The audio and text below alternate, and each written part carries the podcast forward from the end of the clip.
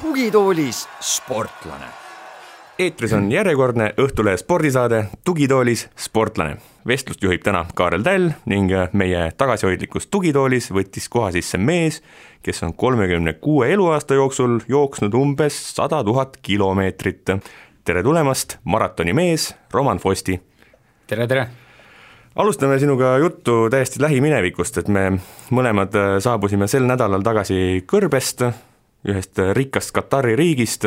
kus sina kokku veetsid kaks nädalat ja jooksid selle aja sees ühe eriskummalise maratoni. ma korra räägin selle eriskummalisuse veel korra läbi, start anti minut enne keskööd, väljas oli umbes kolmkümmend kraadi siis sooja, õhuniiskus oli päris kõrge, sina said kolmekümne kolmanda koha, hooaja parima tulemusega kaks kaheksateist kolmkümmend, aga minu küsimus meenutab võib-olla, meenutab seda ettevalmistust selleks, et räägi natukene, kui sa tead, et niisugune ekstreemne katsumus tuleb, kas sa kuskil selle hooaja jooksul kartsid ka nagu seda öömaratoni kuskil kõrbes? no ikka jah, et äh, mul oli võimalus märtsikuus äh, Bahreinis joosta ka pimedas siis äh, maratoni äh,, poolmaratoni mm -hmm. ja võtsin selle pakkumise vastu ja ka tookord ütleme, et see õhtune jooks eriti hea ei olnud kõhul, et kui sa ikkagi oled äh, kaks-kolm korda juba seal samal päeval söönud ja siis pead veel äh, õhtul äh, sportlikku tegevust tegema ja, ja kuidagi on niimoodi kujunenud, et õhtusel ajal mul see seedimine on aeglasem ja, ja siis ma arvan, kõige rohkem ma seda just kartsingi. Mm.. kuidas siis see reaalsus siis tundus? Pärast ikkagi äh, tulemused olid äh, nii sinul kui Tiidrekul korralikud ja, ja vist polnud hullu, ilm läks ka paremaks või?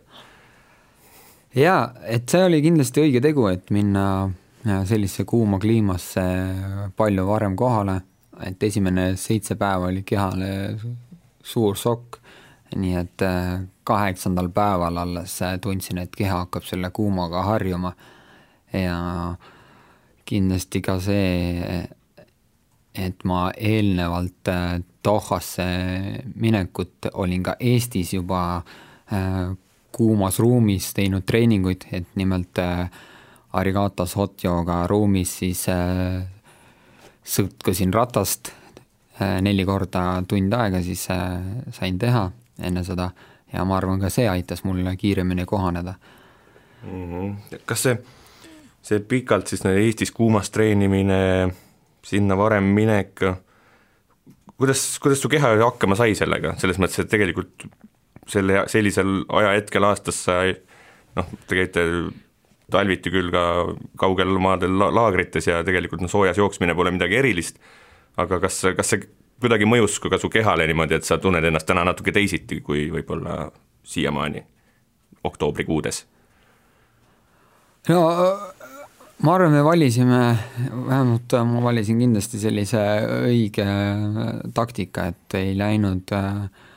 võib-olla väga suure riski peale ja, ja pigem sellise optimaalse äh, tempo valiku, millega ma ei lõhkunud oma keha ära. Ja muidugi see, et äh, paljud mehed arvatavasti olid samamoodi selleks äh, võistluseks hästi valmistunud ja paljud katkestajaid tegelikult ei olnud, kui me võrdleme naiste omaga või siis näiteks äh, samuti kuuma maratoni, mis oli kaks tuhat viisteist MM-il Pekingis, et seekord olid äh, nagu katkestamisi vähem. kaheksateist, kui ma õigesti mäletan, mis iseenesest väga vähe ikka pole. oh jah, eks ta ikka kui sellest Dohast äh, veel korra rääkida, siis üks asi, mis seal see tekitas väga palju emotsioone nii sportlikult kui siis ka nagu kuidagi no, pooleldi spordiväliselt äh,,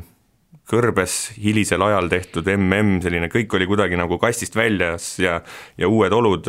eriti just staadioni sportlaste poolt tuli palju sellist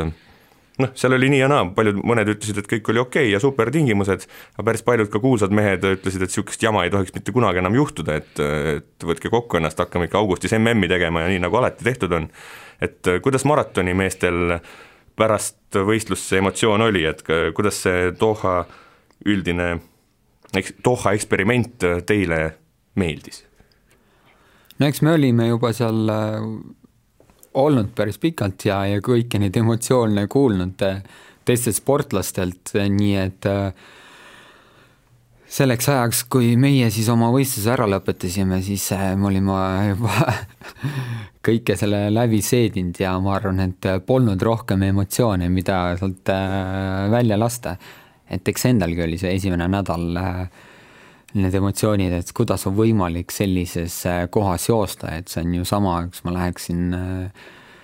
Türgi sauna ja bürooiks Türgi saunas on ju kaks tundi koha peal teha jooksu näiteks, et noh, et see, tundus suhteliselt ikka utoopiline. ja kui ma kuulsin ka naiste tagasisidet, no siis see tundus jah, suht hirmuäratav, aga lõpuks oligi see, et ma arvan, et natukene meil juba oli ka ilm parem, õhuniiskus oli väiksem, eks keha harjus ja lõpupoole ikkagi see korralduspool läks ka paremaks, muidugi, et äh, maratoni raja ääres oleks võinud olla rohkem rahvast, aga ma ütlen, et meie fännid äh, tegid oma töö väga hästi ära ja tänu sellele ma arvan, et suutsime nii mitu sekundit äh, kiiremini joosta. hüppame sealt Dohast ja sellest tänapäevast siis natukene kuskile kaugemasse aega näiteks kuskile Pärnusse, kus äh, oli üks väike poissromaan kunagi, et äh, meenuta mulle seda,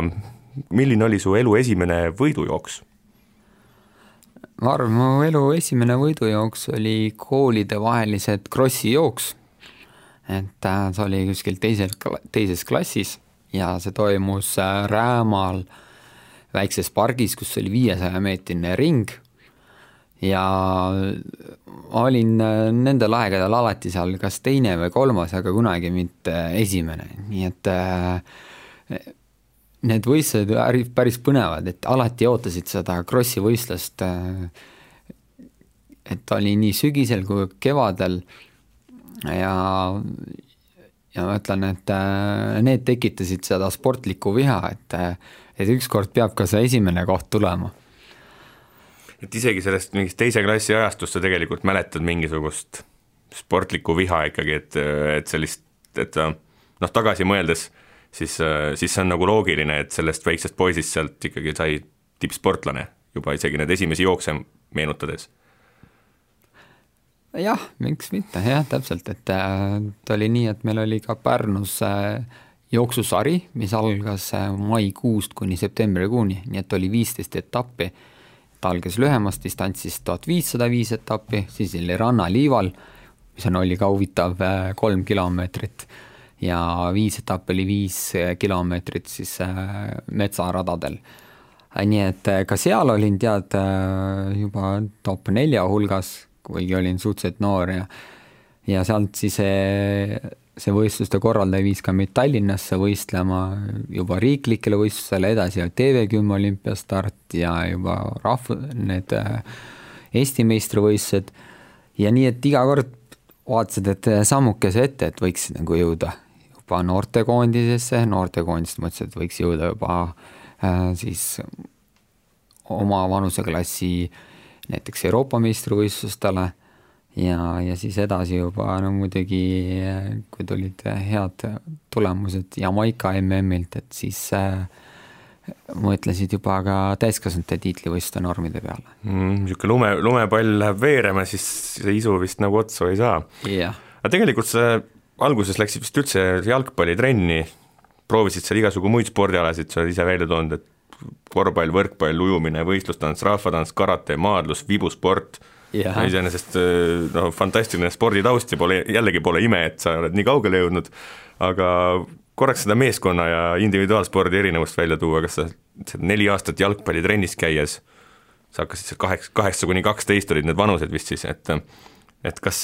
kuidagi siis selgus, et see jalgpall pole päris sinu jaoks, et kas sa tahtsid nagu ikka ise pusida või, või see, või mis seal, mis see otsus oli?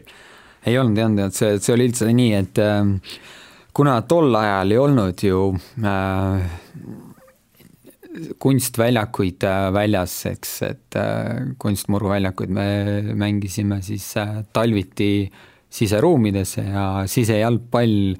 võrreldes välijalgpalliga on ju tegelikult kaks erinevat asja ikkagi. põhimõtteliselt erinevad spordialad peaaegu jah? erinevad spordialad, aga no tol ajal me lihtsalt mängisimegi, et suvel väljas ja talvel sees. ja nagu tead ikka, et kuidas see talvel käib, et äh, vahetustega ja kui ma mängu ei saanud ja treener, ütleme ikkagi äh, noh, ei osanud sportlast motiveerida ja siis äh, ma lihtsalt läksin sealt trennist ära, sest ma tahtsin äh, sporti teha, mängida ja mitte istuda pingi peal ja, ja ma arvan, et eks mm. see oligi see põhjus, miks ma tegelikult ära läksin, et äh, siiani tegelikult ma ütlen, et oleks võinud ka jalgpallis tegelikult kaugele jõuda, aga ma arvan, et treener nagu ei teadnud, kuidas mind motiveerida, et ja, ja see oligi tegelikult vale otsus nagu selle treeneri poolt, et miks, miks ma sealt ära kadusin kas kuskil amatööride tasemel oled äh, viimasel ajal ka mänginud, viimasel kümnel aastal? ei ole, ma tean, et jalgpall on ikkagi väga vigastusohtlik, et mitte just vigastus, aga traumaohtlik, et äh, see ei või sõltuda minust, vaid äh, see, kes mulle vastu tuleb, võib tekitada mulle trauma, nii et niikaua, kui ma ikkagi teen tippsporti, siis mitte mingil juhul ma ei tohi mängida jalgpalli mm. -hmm maratoni juurde jõudmine niikuinii võtab kaua aega, et see on üsna loogiline, et kaheteistaastane võib, poiss ei pea neljakümmet kahte kilomeetrit läbimist nagu treenima, et aga, aga sina jooksid siis seal mingis eas hakkasid tulema sul need kaheksasada ja tuhat viissada meetrit. Äh,, aga isegi neid distantse vaadates, kas sul ei tekkinud nagu sellist mõtet, et et nagu päris tippu jõuda kuskilt Pärnust valgel mehel äh, no väga-väga raske, vastas on kogu maailm, eelkõige ma mõtlen Aafrikat, kus on jooksjaid äh, tohutu hulk Aha. ja kas, kas see ei häirinud sind väikse poisina, et, et see tegelikult noh, eesmärk on ju, võiks olla maailmameistriks tulla, aga see ja. ju tundub väga raske ma ei ütleks, et see üheksakümnendatel ja isegi selle sajandi alguses nii suur äh, see vahe oleks olnud äh, mustade ja valgete vahel, et ikkagi äh, valged maratonijooksjad olid MM-idel top kolmes, et üheksakümnendate teises pooles olid hispaanlased, Abel Anton oli ja ja kahe tuhandete alguses ju ka meie enda Pavel Loskotov oli suurtel maratonidel äh, esikolmikus. Ja Stefano Baldini kaks tuhat neli ju võitis olümpiamängud, nii et äh, mul isegi ei olnud see, et oi, et jah, e-, eks see nüüd äh,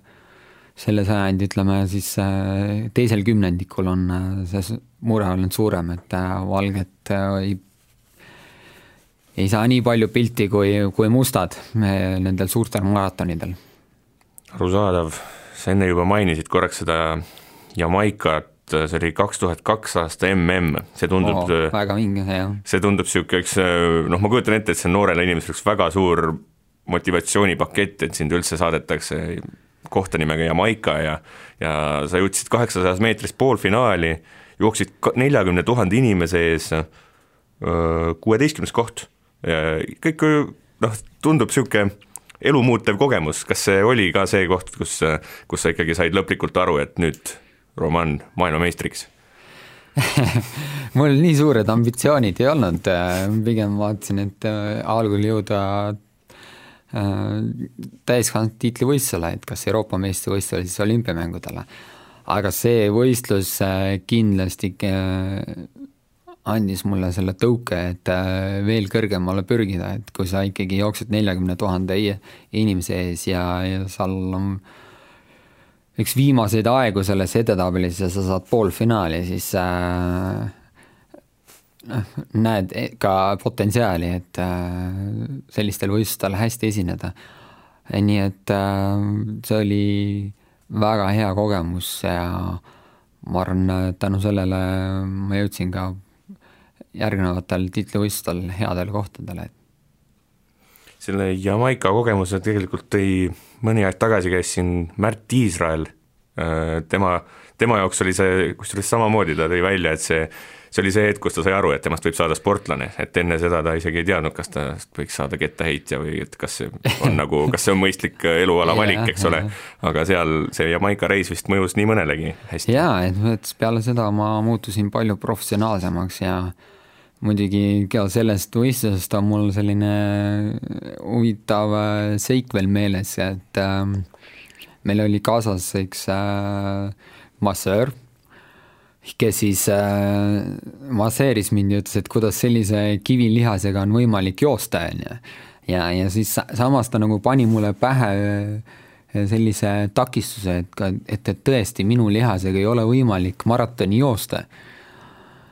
Ja, ja ma panin endale piirid võib-olla ette, et noh, minu jaoks ongi ainult selline keskmaa ja ma hakkasin väga palju hoolt kandma oma lihase eest, käisin palju massaažis, aga siis lõpuks üks targemaid äh, Eesti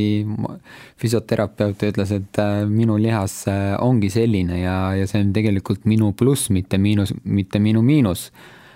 Ja, ja peale seda ma ütlen, et minu vaatemaailm nagu muutus, et et inimesed peavad tegelikult mõtlema, mida nad teistele võib-olla sisendavad, et see, see võib-olla ei olnud halvasti mõeldud, aga noh, ta kukkus kindlasti tema suust kehvasti välja noh. mm.. kuidas sul läks see, see üsna niisugune keeruline vanus ja periood, kus inimene on seal, lõpetab keskkooli ja tuleb, peavad tekkima ideed, kuidas hakata raha teenima ja kas minna ülikooli, kas teha tippsporti, kas teha seda Eestis, kas teha välismaal, igasugu sellised küsimused, alati noorsportlastele keeruline, kuidas, kui valutult sul selline,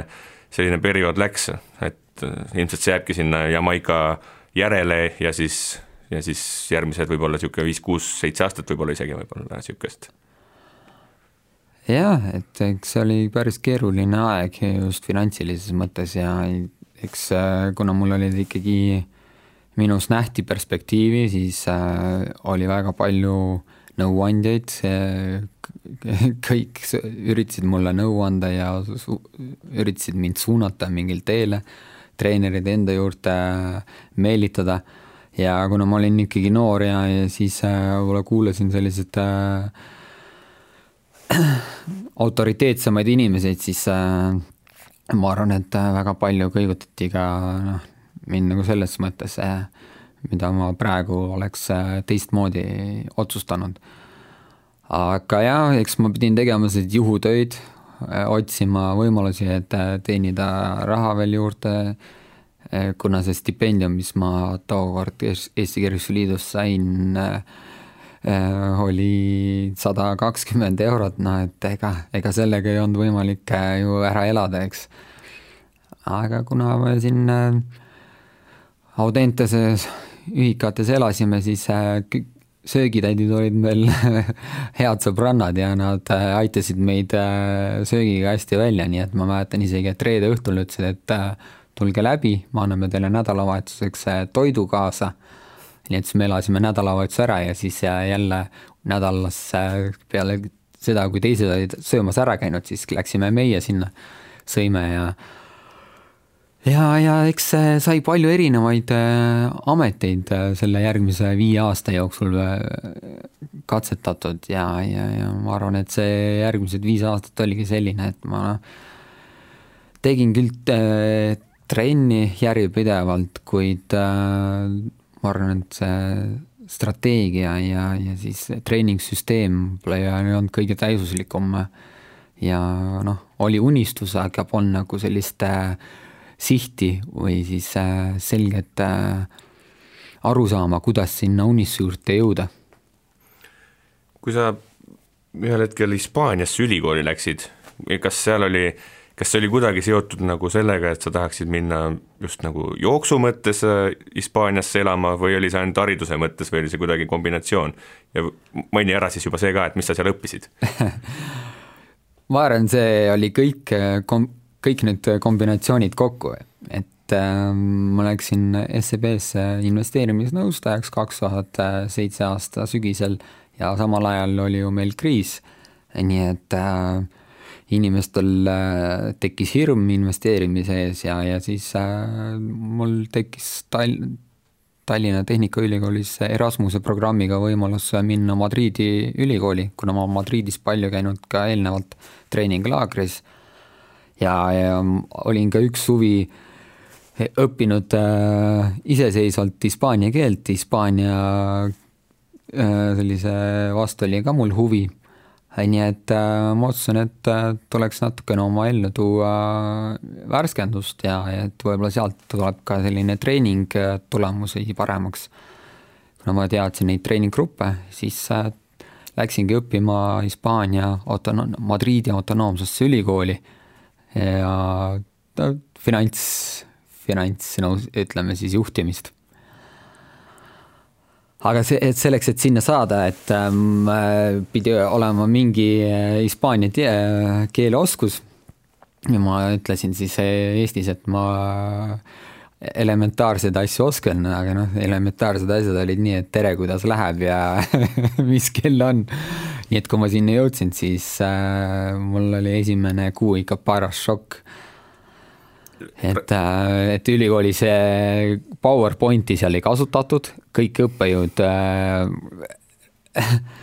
rääkisid ja õpilased kirjutasid kõik üles, nii et ma kirjutasin eesti keeles äh, juttu, et äh, mida ma siin teen ja kuidas ma siin hakkama saan.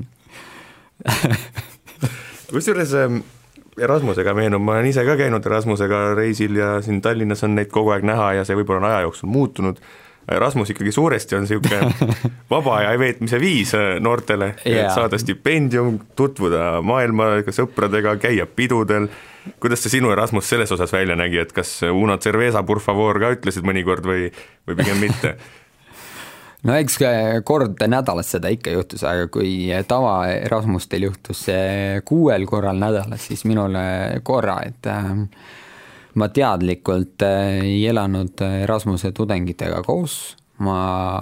valisin endale elamiseks äh, siis Hispaania pere ja, ja teise koha, kui ma vahetasin siis juba Madriidi kesklinna poolele, kolisin, siis ma elasin perulastega koos, et äh, paremini hispaania keelt muidugi ära õppida ja et ma saaksin äh, spordiga tõsisemalt tegeleda, et äh, ma treenisin Arturo Casado, kes oli kaks tuhat kümme Euroopa meister tuhande viiesajas nende grupiga, nii et nende mm. päris Erasmuse elu ma tegelikult elasin väga-väga vähe ikkagi jah, eks see päris elu ongi niisugune väga, väga kurnav elu. väga kurnav jaa, et kui haridus jutuks tuli, siis mis, mis haridus sul on nüüd lõpuks, ütle lihtsalt välja. Bakalaureuse ma lõpetasin siis majandus ja arvestus, ehk siis raamatupidamise pooleks ja, ja siis ma tulin edasi Tallinna Tehnikaülikooli õppima ärirahandust. ja ärirahanduse need õppeained ma läbisin ära, aga mul jäi lõpetamata siis äh, magistritöö,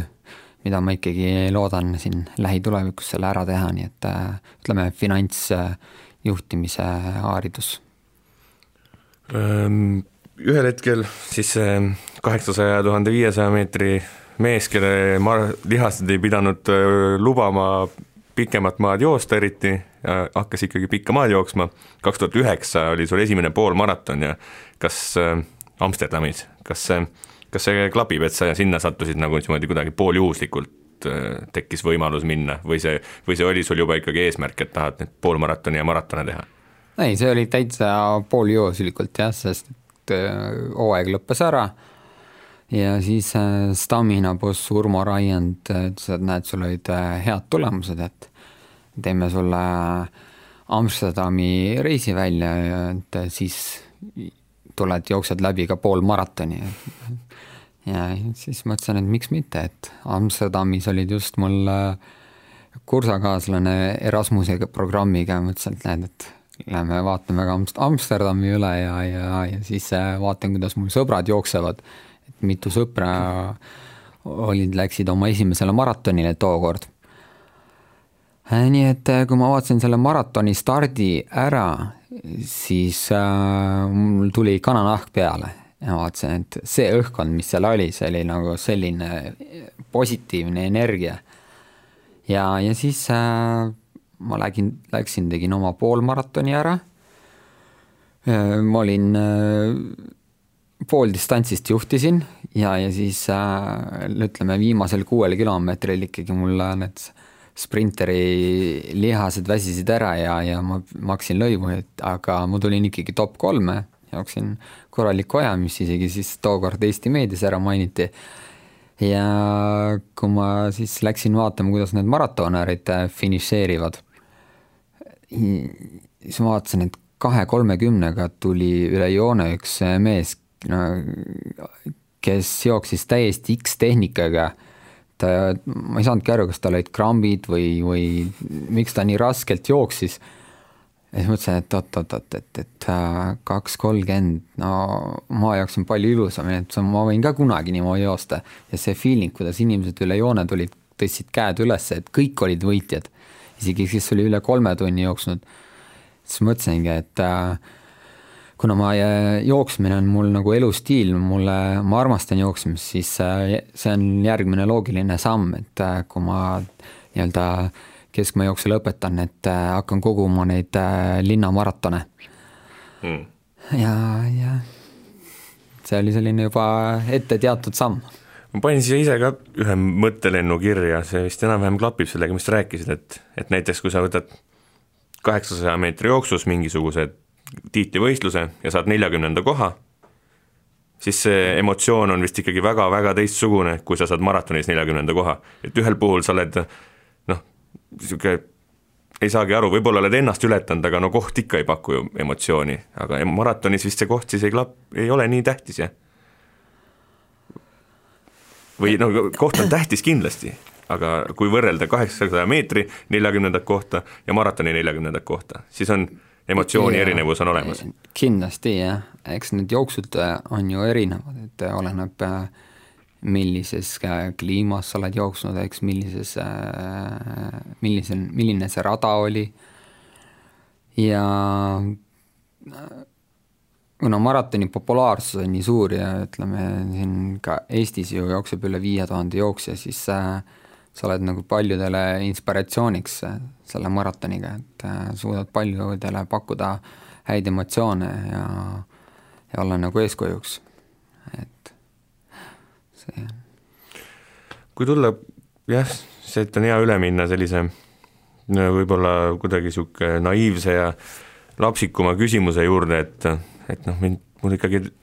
alati huvitab, et mis seal siis nagu võlub ja, ja, ja mik-, miks sa miks sa jooksed, on võib-olla see noh, ilmselt sa oled elus pidanud seda palju rääkima, sa oled isegi minule pidanud seda rääkima, et äh, aga ma küsin veel korra ikkagi, Roman, sa kas sa ei oskaks seda aega ja kuidagi teisiti ja paremini ja võib-olla isegi tervislikumalt kasutada, kui olla tippsportlane, kes jookseb mitu ringi ümber maakera ja teeb, paneb oma keha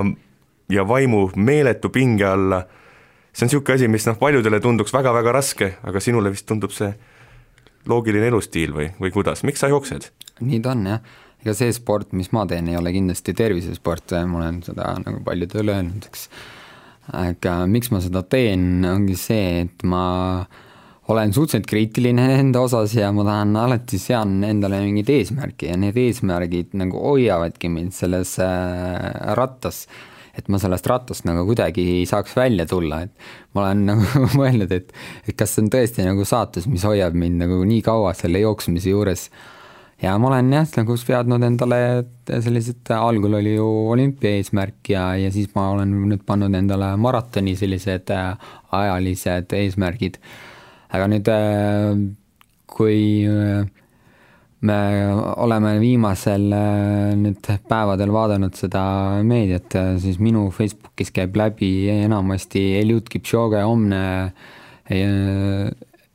inimvõimete piiride äh, ületamise jooks, eks, et ta üritab alla kahe tunni joosta, siis mulle meeldib tema see mõtteviis, et ärme seadme endale tegelikult mingeid piire et, äh, et meil et ei ole. eesmärgi seadmine on nagu täpselt, piiri seadmine. et see eesmärgi seadmine, kui ma panen tegelikult aja, siis see, see on samuti see, mis hakkab mind tegelikult kammitsema. et äh, ei, ei tasuks nagu neid äh, seada, et see tekitab parema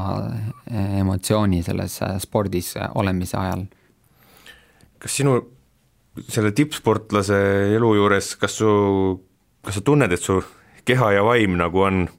on kuidagi tasakaalus ja nad saavad omavahel hästi läbi, et, et kui su aju mõtleb välja neid eesmärke, siis äh, kas, kas lihased ja keha tegelikult saavad selle eesmärgiga hakkama ikkagi või ka, kuidas nad omavahel läbi saavad, on võib-olla see küsimus. Jaa, et äh, kuna meil see treening, ähm, kui me võtame nädalaks, siis äh, kokkuvõttes on meil nii et, et kaheksakümmend protsenti treeningust on aeroobne, mis on selline mõnus äh, liikumisviis, kus sa ülemäära siis ei nii-öelda ei higista, eks, ja, ja saad normaalselt mõelda. Ja kakskümmend protsenti on siis selline, kus on mõttetegevus on piiratud. Siis äh, noh, see, sel hetkel keha toimib väga hästi ja, ja ma arvan, et äh, see jooksmine korrastabki minu mõtteviisi, et äh, tihti on see, et peas on mingid mured või on, oled millegipärast närvis, et miks keegi ei mõista sind, miks keegi käitub sinuga nii, nagu sina seda ei sooviks. siis, kui ma lähen, teen selle näiteks tunnise jooksu ära, siis ma laen nii-öelda selle äh, Äh, üliemotsioonse käitumise rahulikumaks, et ma korrastan oma mõtteviisi ja, ja, ja saan jälle nagu äh, paremini aru sellest maailmast. ometi isegi, kui sa kuidagi jooksmise ajal seda kõike korrastad ja ilmselt ennast analüüsid nagu pidevalt kogu selle protsessi käigus, filosofeerid, mõtled äh, võib-olla jõuad isegi täitsa mingi nirvana lähedase kogemuseni, ma kujutan ette, kui sa nagu nii palju ühte kordust teed, kas või seda sammu kordus no,, see on tohutu yeah. hulk samme, mis sa oled läbinud. no kõige mõnusam tunne tegelikult äh, ongi siis, kui sa oled tippvormis ja tavaliselt selle treeningu lõpus sa saad sellise kerge sammu kätte, kus põhimõtteliselt korraks nagu puudutad seda maapinda, ma nimetan seda nagu selliseks hirve jooksmiseks, et äh, et see on, see oli minu jaoks see nirvana moment, et ma seda niimoodi naudin ja see on see, et mida sa nagu ootad, et oota, millal see tunne nüüd tagasi tuleb. ja, ja see aasta nüüd septembrikuus ma sain selle äh, kätte, mida ma tegelikult olin, ma arvan, üks äh, pikka aega, kas isegi aasta nagu äh, puudust tundnud. jah, see töömaht, mis jääb selle iga-aastase nirvana tekitamiseks no see on niisugune töömaht, mida tegelikult vist nagu lihtsale inimesele vist ei olegi võimalik selgeks teha, kui palju sa tegelikult pingutad selle nimel. kui palju sa jooksed, kui palju sa no, aastas seitse tuhat kilomeetrit. jah, ja sa täna tulid siia saatesse otse külmakambrist, pärast saadet sa lähed otse massaaži, sa pead samal ajal käima tööl, tegelema päris elu, tavalise eluga, et see maht on tohutu. üks huvitav asi, mis sa ise ka välja tõid, läheb selle mõtteviisi ja käitumisviiside ja erinevate asjadega kokku, et sa oled lasknud enda kohta koostada Toomase raporti, mis peaks laias laastus siis äh, olema nagu sinu käitumisstiilide mudel. jaa, see on diskmudelist äh, tulenev siis mhm. selline mm -hmm. raport. et mi-, miks sa seda teed, kas sa ei ole kogu selle jooksmise ja mõtlemise käigus siis ikkagi suutnud ennast veel nii läbi analüüsida, et, et kasutad veel veel mingeid instantse, kes võiksid sinu kohta kirja panna, kes on Roman Fosti, seda, seda see vist äh, teeb, ta, see raport ja. ütleb, kes sa oled mingis mõttes. täpselt, et äh, e-, eks äh, ma olen ju päris palju treenereid, vaata, tegelikult ikkagi oma karjääri jooksul vahetanud ja eks ma pärast saingi nagu aru, et miks ma olen nagu, et ma olen äh, väga tulemusele orienteeritud sportlane äh,, Äh, minu see käitumisstiil ongi see, et kui tulemust ei tule, siis ma äh, kipun kohe nagu äh, minema järgmise asja peale, et järgmise näiteks treeneri juurde ja, ja, ja sealt püüdma seda paremat tulemust, eks. aga jah, see raport aitabki kiiremini mõista just iseennast ja teisi erinevatest situatsioonidest et mõista, et miks mina või, või siis äh, meie niimoodi käitume, nagu me käitume, mis on selle käitumisega seotud mõtte- ja tundemustrid, et äh, kõige olulisem ongi see, et kui ma näiteks olen endale tiimi võtnud isiku, siis ma annan talle oma selle raporti ja ta teab, kuidas minuga käituda, kuidas mind motiveerida, kuidas min-, minu potentsiaali kõige paremini nagu ära kasutada milliseid koolitusi oleks mulle nagu kõige parem äh, noh, anda mm. -hmm. ja nägin ise ka seda raportit, see on niisugune mingis mõttes nagu põhjalik, aga samas ka piisavalt pealiskaudne vähemalt noh, vaadata, et, et seal Jaa, on et konkreetselt on välja nagu toodud hunnik äh, täiuslik tõde see ei ole mm, -hmm. aga Aga abivahendina- väga, väga hea nagu abivahend, et äh, tööriistana on ta väga vajalik, et näiteks eelmisel aastal Inglismaa jalgpallikoondis äh, tegi oma edukama penaltiseeria MM-idel, et äh, peaaegu ainsa eduka ajaloos. aga miks ta tehti, oligi see, et äh, tegelikult kõikidel mängijatel tehti ära tema siis äh, äh, raport, on ju, diski meetodil. Ja siis äh, Inglismaa suur äh, võistkond äh, tegid sellest järeldused, millised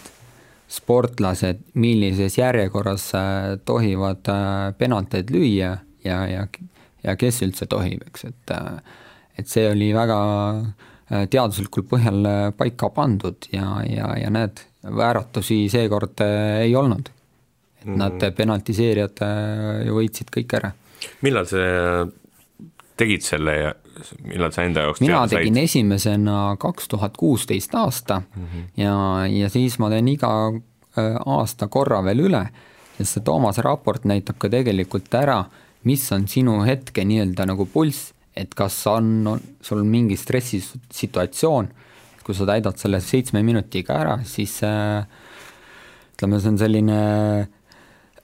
teaduslikul põhjal, eks seal tehtud, et äh, ta suudab ka ära aru saada, et kas, kas sul on mingi stressisituatsioon, et äh, ka minul on seda mitu korda välja tulnud ja, ja siis äh, oleme koos mentoriga arutanud, et, et mis see tekitab seda. kas see on, äh, tuleneb nii-öelda pereelust või on see seotud spordiga või on see siis tööpositsioonilt tulenev stress mm., sellega tuleb tegeleda. sa pigem soovitad seda teha põhimõtteliselt kõigile sportlastele, aga võib-olla see ei ole ju sportlastele, sa võid igal ametialal täpselt, igal ametialal ja, ja, ja muidugi, et äh, me ise praegu tegelen sellel alal ja, ja tahan ka seda Eesti sporti sisse tuua, et äh, tänapäeval on ju meil äh, väga äh, piiratud äh, see ajaressurss ja osadel inimestel võib-olla on äh, an-, antud anne, et äh,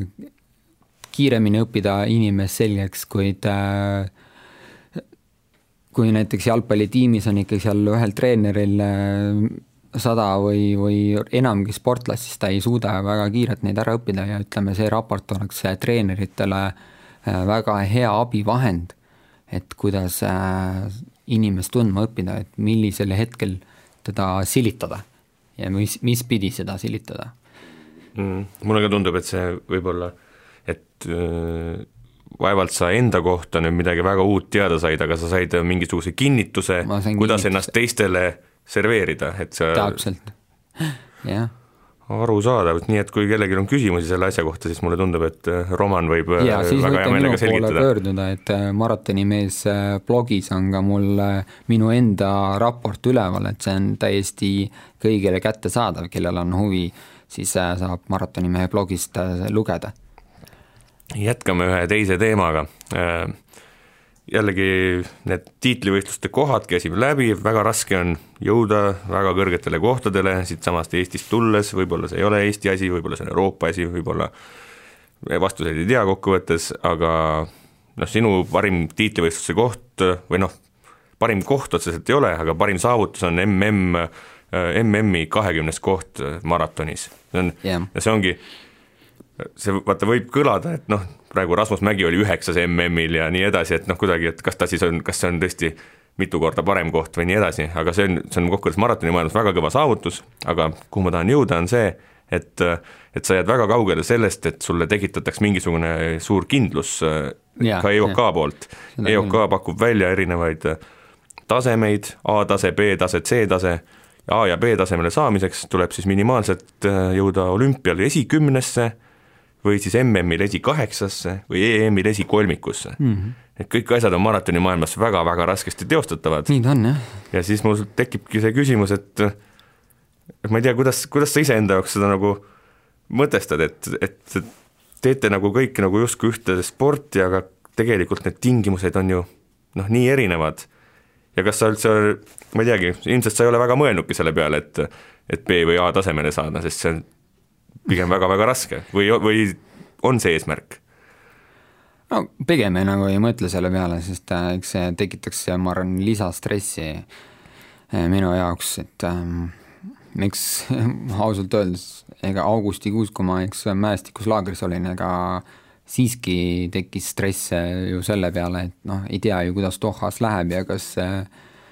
jätkubki see, see toetuski, mis mul eelnevaltki oli. C-tase, C-tase siis tähendab seda, et sa oled olümpia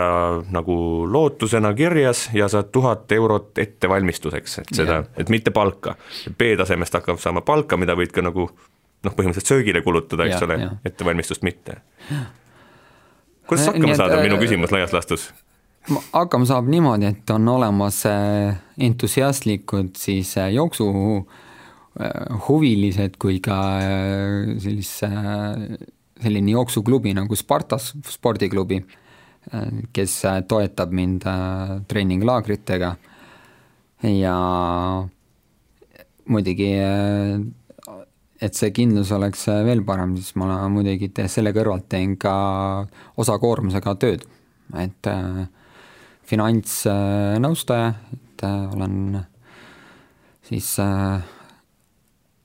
audiitor ettevõttes ja nüüd see, seda koormust ma olen väga minimaalseks võtnud ja, ja nüüd tegelen ka siis nii-öelda, ise nimetan seda pehmete poolte nõustamisega, eks ole, Toomas äh, Äh, ettevõttes mm. -hmm. nii et äh, nendes kahes äh, ettevõttes olen endale tekitanud ka sellise söögiraha juurde. nagu ma aru saan, siis sa tegelikult oled seda nagu noh, seda finantsnõustaja tööd siis töökoormust endalt vähemaks võtnud oma viimaste aastate eesmärgid, sportlikute eesmärkide tõusu et äh, nimel. mida vanemaks sa lähed, seda rohkem sa pead oma keha eest äh, hoolitsema ja ma olen aru saanud, et äh, nüüd ma olen kui ma võtaks seda kaheksaja meetri jooksuna, siis ma olen nüüd oma viimasel sirgel. nii et ma tahan, et see viimane sirge oleks nii täiuslik kui võimalik ja, ja ma näen, et ma pean rohkem keskenduma taastumisele, ehk siis uni on oluline, eks massaažid venitused, mida ma olen eelnevalt olen vähem teinud, harjutused, nii et äh, nüüd ma pigem nagu päevas äh, paar-kolm tunnikest läheb mul töö peale ja ülejäänud siis läheb spordi ja puhkuse peale. Mm -hmm. kus, kui palju sul aastas kulub aega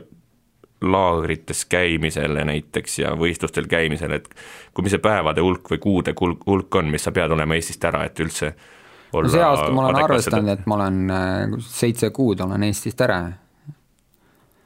ehk siis kolm kuud justkui saad olla finantsnõustaja või? Ei no tänapäeval on ju äh, töö käib okay. ikkagi arvutis ja, ja seda tööd saab igalt poolt teha, nii et äh, ei pea kindlasti Eestis kohapeal olema. jaa, kui meenutada ringiga tippspordi juurde tagasi, seda me täna oleme mitu korda maininud, seda äh, Pekingi maratoni kas see, kas see on ikkagi endiselt siis sinu, sinu sportliku elu suurim saavutus ja võib-olla meenuta natuke neid emotsioone, mis selle MM-i kahekümnenda koha järel siis ikkagi tekkisid. mina mäletan, et see oli ikkagi mõjus suure üllatusena, et nii hea koht. oo oh, jaa, jaa, no eks see, see jooks tegelikult oli väga rasketes tingimustes, et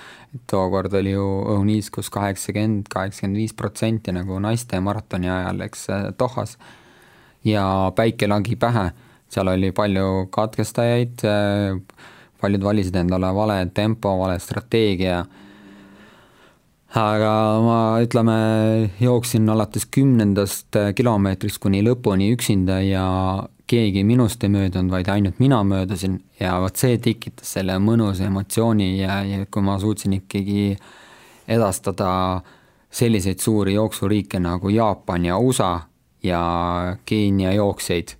siis äh, noh, see oli muidugi see emotsioon, noh,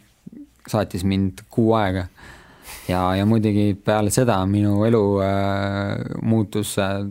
drastiliselt, et äh, järgmised äh, kaks-kolm aastat ma reisisin väga palju ringi maailmas ja, ja mul oli võimalus teenida ka endale raha jooksudega. Sind hakati kutsuma siis? mind kutsuti JAF-i tasemega siis jooksudele, kas ta oli hõbe, kuld või prongstasemega jooksudele, et on ja siis tuleb see teine koht, mis on selles e-, tiitlivõistluste juures väga niisugune kummaline, omapärane, et sa oled MM-i kahekümnes mees, mis iseenesest võiks justkui tähendada, et Euroopas oled sa tunduvalt paremal kohal kui näiteks kahekümnes. ja siis me jõuame Euroopa meistrivõistluste juurde, kus on tegelikult peaaegu sama raske saada head kohta kui MM-il, sest et Euroopa on kuidagi noh, siin ei jookse enam mõnda aega eurooplased yeah., vahepeal olid IAF-i reeglid või ma ei teagi, kas need on Euroopa Alaliidu või IAF-i reeglid kokku, see reeglistik oli selline, et üsna lihtsalt said suured riigid, kes tahtsid endale osta jooksjaid. ja sellega me oleme jõudnud kohta, et sa oled käinud kolmel EM-il ja jooksnud võidu aafriklastega ja aasialastega ja erinevate inimestega. kuidas sa selle nagu, ma ei tea, kas see ajab närvi ja kas see või suudad sa seda kuidagi mõnusalt ja rahulikult enda jaoks mõtestada? see on üks ebaaus koht minu meelest. jaa, et äh, ma ei suuda kindlasti rahulikuks selle juures jääda ja see ei ole normaalne, et äh, ma just mõtlen äh, ka laiemas pildis, et kui Rootsi võtab endale Etioopia jooksja või siis Türgi võtab Keenia jooksja kes ei räägi selle ri-, selle riigi keelt, kes ei tunne seda kultuuri, kes äh, pole tegelikult seal äh, pinnal isegi elanud, eks, siis äh, tegelikult need spordiametnikud rikuvad selle riigi sporti. sest noored sportlased kes äh, teevad trenni ja mõtlevad, et nemad üks aasta jõuavad siis näiteks äh, Türgi koondise eest äh, võistelda olümpiamängudel, siis tegelikult võetakse neil see võimalus ära juba eos, sest nad ei usu, et nad jõuavadki sinna olümpiamängudele, nad jätavadki pooleli selle spordi ja nende noored ei hakka tegelema kergejõustikuga, sest nad näevad, et tuuakse sisse sportlasi. Kes siis äh, jooksevad äh, ri-, nende riigi lipuga, mis on valet pidi äh, ja ei oska hümnigi laulda ega ei tea selle riigi kultuuri, et oleks, see, see on väga vale. sina oleks ammu ilmselt jooksmise juurest ära tulnud, kui Eesti oleks näiteks kümme aastat tagasi palganud endale viis geenialast, väga head näiteks, ja see tekitab olukorra, et sina ei saagi mitte kunagi olümpiale. jaa, et kui sa oleks kahe kui see oleks kaks tuhat kaks, kaks tuhat kolm aasta niimoodi näiteks juhtunud, siis ma oleks kindlasti olnud juba palgatööl ja, ja polekski nagu edasi teinud, et see oleks minult võtnud noh, isu ära. aga laias laastus vist olukord on selline, et varsti tuleb EM ja, ja tuleb järgmine ja tuleb järgmine ja neilt keegi enam kodakondsusi ära ei vist ei võta, neid enam ei anta nii lihtsalt välja, ma olen aru Seda saanud, aga aga olukord keerati nässu ja aga ja ajalugu on äh, näidanud, ega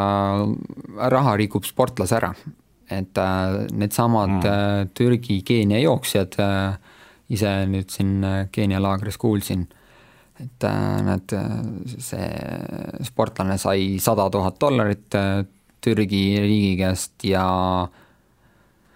sportlane jõi selle poole aastaga maha. okei okay jah, pooleaastane Erasmus siis väga, väga suur, väga, väga suure raha eest. ja te, tema põhimõtteliselt kergelt enam... tulnud, kergelt läinud, nagu öeldakse. ja see vorm on ka kergelt läinud, kergelt Täpselt, tagasi ta enam ei tule. Äh, nüüd seda sportlast enam äh, tiitlivõistlustel ei näe. arusaadav. mis edasi? sul just MM-i maraton selja taga, järgmisel aastal paistab olümpia, sellest nelja aasta pärast ehk siis vii-, tänase seisus viie aasta pärast on jälle olümpia, kui kaua üks, üks Roman Fosti selli-, sellesama elustiiliga jätkab? no ma olen praegu võtnud äh, aasta korraga, nii et praegu on mul äh, kahe, vähem kui kahe kuu pärast Valencia maraton, esimesel detsembril, mina olen väga hästi motiveeritud, äh, ma näen, et sellest taas-, maratonist ma olen juba hästi taastumas järgmine nädal lõpp ma sõidan juba mäestikulaagri, et teha Kuhu? Itenisse, selline jooksjate, jooksjate linn. et Otepää suurune küla nimetame, aga seal on circa kolm tuhat jooksjat, nii et seal on see motivatsioon on väga kõrge, seal on mul võimalik teistega treenida, rahulikult puhata, taastuda ja siis, et seal tuleb joosta lõpuks korralik isiklik ja siis järgmine aasta olen väga motiveeritud selle Tokyo olümpianormi täitmise osas ja ja kui kõik hästi läheb, siis seal me Tiidrikuga ka koos jookseme. ja mhm. kui ei, siis eks siis vaatame edasi, et ähm, vanus on juba selline, et ega, ega kerge seal lihastel ei ole, kuid praegu olen saanud jälle hommikuti mõnusalt äh, käima ennast, nii et vaatame samm korraga. minu meelest äh, üks sinu selle sporditeekonna üks äh, omamoodi täitsa vaimustav osa on see, kuidas sa kuidas sa naudid ja tegeled sellega, et sa annad seda jooksmist nagu edasi ja kogu aeg muudkui, muudkui käid ja räägid ja jooksed ja, ja hea meelega räägid, eks ole, ja ja see algas tegelikult kuskilt Facebookist, sa hakkasid äh, kutsuma inimesi jooksma ja hakkasid kuidagi korraldama Facebooki kaudu mingeid asju. Ja sa oled öelnud, et Facebooki jooksmine jah, et seal on üheksa tuhat inimest, on selles kommuunis. Ja seda me alustasime kaks tuhat kümme aasta, nii et nüüd, nüüdseks on juba üheksa aastat äh, treeninguid esimestel aastatel ma olin äh, aktiivne, nüüd ma olen passiivne seal mm, -hmm. kuna see tippspordi osa võtab päris palju. et ma olen ise jooksmisest äh, väga palju saanud, ma olen suhelnud paljude treeneritega, paljude sportlastega, ma tahan seda nii-öelda tarkust ja ka edasi teistele jagada ja kasutada ka siis Eestis seda jooksupisikut inimestel ja tervislikku eluviiside ja liikumist ja ma arvan, et minu juurest on juba paar tuhat inimest äh, läbi käinud, kellel ma olen suutnud sellist äh, jooksuteadmisi jagada. see on ja, väga suur arv inimesi. jah, see on äh, päris korralik. nii et selle ja ma olen saanud nagu head tagasisidet ja inimestele on nagu korda läinud, vot see on mulle nagu oluline. ja kui keegi tuleb, siis ma rõõmuga jagan jooksu ähm, teadmisi. Sina oled kolmkümmend kuus, Tiidrek Nurme kolmkümmend kolm, mm, noh, lõputult see ei kesta yeah. tipptasemel, kuidas see tagala välja näeb, et Eestis joostakse palju ja see on selge, isegi kui sina oled saanud kahte tuhandet aidata ja noh, jooksmine on tõesti praegusel hetkel populaarne mm, -hmm. aga kas see on, kas tippspordi jooksmine on populaarne, mis saab pärast sind ja Tiidrekut? Maratoni tasemel ma mõtlen siis. eks see seis on tegelikult suhteliselt ikkagi äh, kurb, et meil pole noori, kes äh, võistlevad noorte tiitlivõistlustel, kas keskmaas või pikamaas. et see oleks ju äh, järgmine loogiline samm, et kui sa noorte tiitlivõistlused, eks ole, lähed täiskasvanute klassi. eks on ka selliseid variante, et kui sa oled hilimas, hilisemas eas alustanud jooksmisega, siis on sul võimalik veel ka jõuda täiskasvanute tiitlivõistlustele. aga mis ma ise näen, on see, et ikkagi äh, tänapäeva noored võib-olla lähevad liiga vara äh, pikama distantside peale, kiirus jääb välja arendamata, äh, kindlasti ikka siis selline elastsusjõud, hüpped, jõutreening on äh, ma arvan vibu laskmine, korvpall, jalgpall, võrkpall ja, sinu puhul? et, et see üldfüüsiline ei ole kindlasti nii tugev ja minnakse siis äh, pigem äh, kohalikele rahvajooksudele auhindu taga äh, ajama, kuid mitte selle peale mõelda, et kuidas oma isiklikku rekordit aasta-aastalt parandada ja jõuda siis äh, suurematele võistlustele, et see on see probleem. kui üks, kui oluline sinu jaoks oli see hetk, kui äh, Tiidrek Nurme vahetas ala, äh, tuli ka maratoni meeste sekka, et enne sa olid noh, justkui üksik hunt, kes püüdis läbi, läbi lüüa Eesti särgis kõrgeid kohti ajada, nüüd te olete seda koos, see tundub ei, väga tähtis. Kindlasti jaa, ja et see, see ju tekitas elevust jooksu äh, sellistes huvilistes, et, et kes siis äh, parem on ikka, kes sellel või tiitlivõistlusel, et äh, minu enda sõbrad ja toetajad ja et minu jaoks see pole oluline, no mingil määral natukene ikka, aga, aga see nagu, seda oli nagu väga huvitav kõrvalt vaadata ja eriti siis, kui see võistlus oli läbi, et noh, siis nägid, et kes tuli seal, patsutas õlale ja rääkis mingeid jutte ja et see, see, see on väga põnev ja muidugi mul endal oli see väga huvitav äh, vaadata, kui Tiidrek maratoni juurde tuli, siis äh, ta oli väga entusiastlik, et noh, et ei ole siin maratonis hullu midagi, et esimese maratoniga jooksen kohe äh, olümpianormi ära. aga tegelikkuses täitis Tiidrek ju alles kolmandal maratonil olümpianormi, et esimese ta jooksis koos meie luikede tüdrukutega, finišeeris nii et äh, kunagi ära alahinda ühtegi äh, sellist jooksudistantsi, millal sul endal pole kogemust. on selline kokkuvõte jah, aga Roman, väga suured tänud sulle meile külla tulemast ja soovin sulle aitäh kutsumast! kõike, kõige paremat tahan sulle soovida, et, et see karjäär veel jätkuks pikaks, pikalt. aitäh, suured tänud! ja ka mina tänan ja järgmine tugitoolis sportlane on eetris juba uuel nädalal, kohtume taas. Oh..